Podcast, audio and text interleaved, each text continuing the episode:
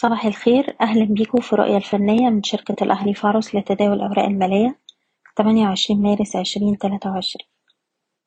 في جلسة الاثنين المؤشر قفل على تراجع طفيف حوالي ربع في المية عند مستوى خمستاشر ألف تسعمية وخمسين.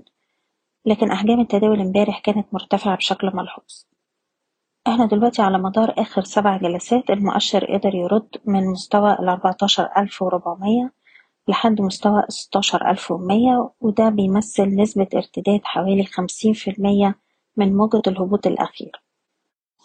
في نفس الوقت كتير من الأسهم وصلت لمستويات المقاومة بتاعتها قبل ما تقفل امبارح على تراجعات على الأجل القصير بننصح بجني أرباح للأسهم اللي وصلت للمستهدفات بتاعتها واللي عايز يحتفظ يقدر يرفع مستوى حماية الأرباح لأقل مستوى اتسجل في جلسة امبارح حسب كل سهم على حدة أقرب مستوى دعم دلوقتي عند الخمستاشر ألف ستمية خمسة وعشرين ومن الناحية التانية لو قدرنا نتجاوز مستوى المقاومة ستاشر ألف ومية الطريق هيكون مفتوح لاستهداف مستوى المقاومة التالي عند الستاشر ألف وخمسمية.